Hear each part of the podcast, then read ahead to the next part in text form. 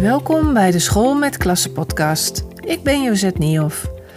In deze podcast hoor je hoe je jouw school zo op de kaart zet dat ouders nieuwsgierig worden naar je school en jij nieuwe leerlingen in je groep krijgt. Ik inspireer je iedere twee weken door het delen van tips en tricks en het houden van interviews.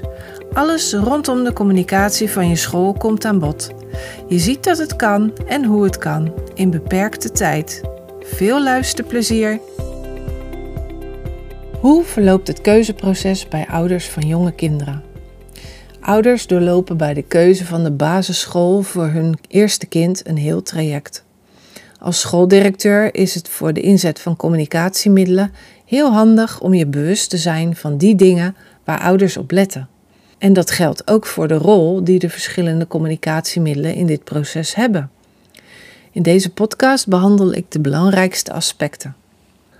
Welke aspecten wegen nou mee in de schoolkeuze? Een goede sfeer en uitstraling. Hoe denken ouders van je huidige leerlingen over de school? Is het schoolgebouw goed onderhouden en schoon? Welke schooltijden zijn er? Is er een continu rooster of juist een gewoon rooster? Uh, is er een samenwerking met de voor-, tussen- en naschoolse opvang? Hoe groot is de school? Hoe groot zijn de groepen? Wat is de kwaliteit van het onderwijs? Op welk niveau stromen de leerlingen van groep 8 uit? En is er ook een goede aansluiting met het voortgezet onderwijs? Staan er veel of juist weinig parttimers voor de klas? Hoe is de schoolroute van school naar huis en van huis naar school? Is er aandacht tijdens het onderwijs voor cultuur en natuur? Is er aandacht voor leer- en gedragsproblemen? Uh, hoe worden de laptop en tablets en iPads ingezet tijdens de lessen? Hoe hoog is de ouderbijdrage? Wat wordt er van ouders verwacht? Heeft of krijgt de school te maken met krimp? Deze aspecten gebruiken ouders in de schoolkeuze. Ze zijn allemaal belangrijk op een bepaald niveau. Maar hoe verloopt de zoektocht nou naar een school? Ouders van jonge kinderen weten vaak nog niets van het huidige onderwijs, zeker niet als ze net starten met hun zoektocht. Ze baseren hun kennis op hun eigen schooltijd. Daarom kijken ze eerst online en uh, kijken naar het basisonderwijs in de woonplaats of wijk. Waar zitten scholen? Wat voor scholen zijn dat? Hebben ze een geloofsovertuiging of zijn het openbare scholen?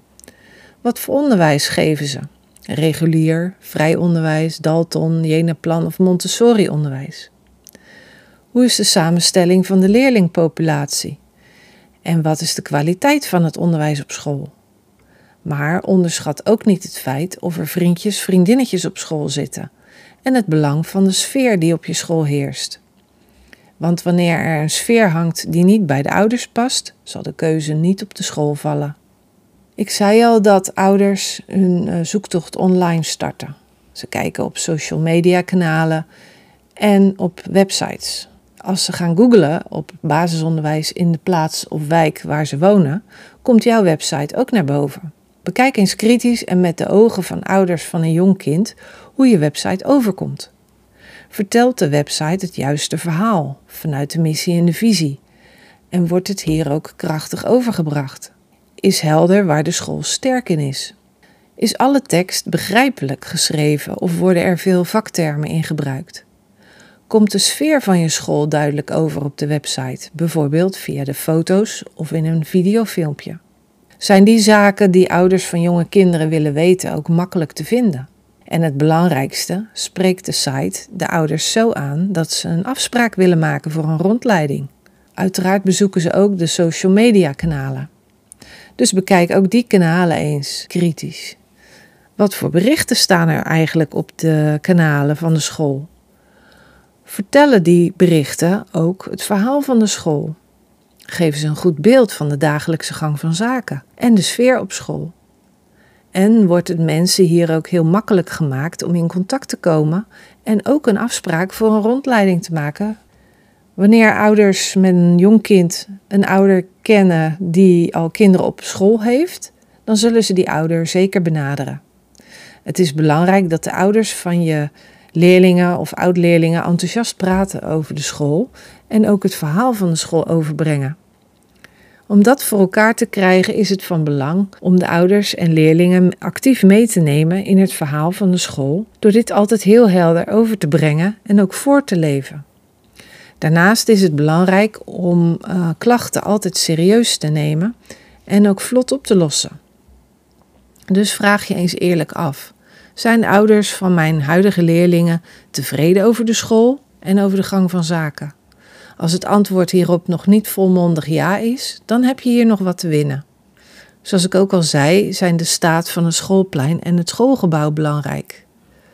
Loop eens over het schoolplein en ga naar binnen. Kijk onderwijl bewust en kritisch rond. Is het opgeruimd en schoon? Wat zie ik? Wat ruik ik? Is alles heel? Is het ook veilig? Dat is heel belangrijk voor ouders van jonge kinderen. Is ook het schoolplein schoon, heel en veilig? Zijn de klimtoestellen bijvoorbeeld in orde en kunnen de hekken dicht? De sfeer op je school is van groot belang. Loop eens rustig door de school en ervaar de sfeer onder de teamleden en de leerlingen bij het binnenkomen of naar buiten gaan. Spelen de kinderen tijdens de pauze rustig met elkaar of wordt er gekibbeld of misschien zelfs ruzie gemaakt? Hoe gaat de leerkracht hiermee om? Hoe pakken ze dat op? Hoe gaat het in de rij lopen buiten en hoe gedragen de leerkrachten zich buiten de school in omgang met hun leerlingen? Want ook het gedrag van de leerkrachten en leerlingen buiten op het schoolplein en onderweg naar de gymles of bibliotheek bepaalt in grote mate hoe er naar je school wordt gekeken. De leermiddelen moeten vrij actueel zijn. Bekijk de boeken, lesmaterialen, tablets, laptops en iPads eens kritisch. Zien ze er nog goed uit? Zijn ze op te knappen, te verbeteren of te updaten? Zijn de methodes die gebruikt worden actueel of misschien toch al verouderd? Kun je daar wat aan verbeteren? Werken de kinderen actief tijdens de les op de iPads, laptops of tablets?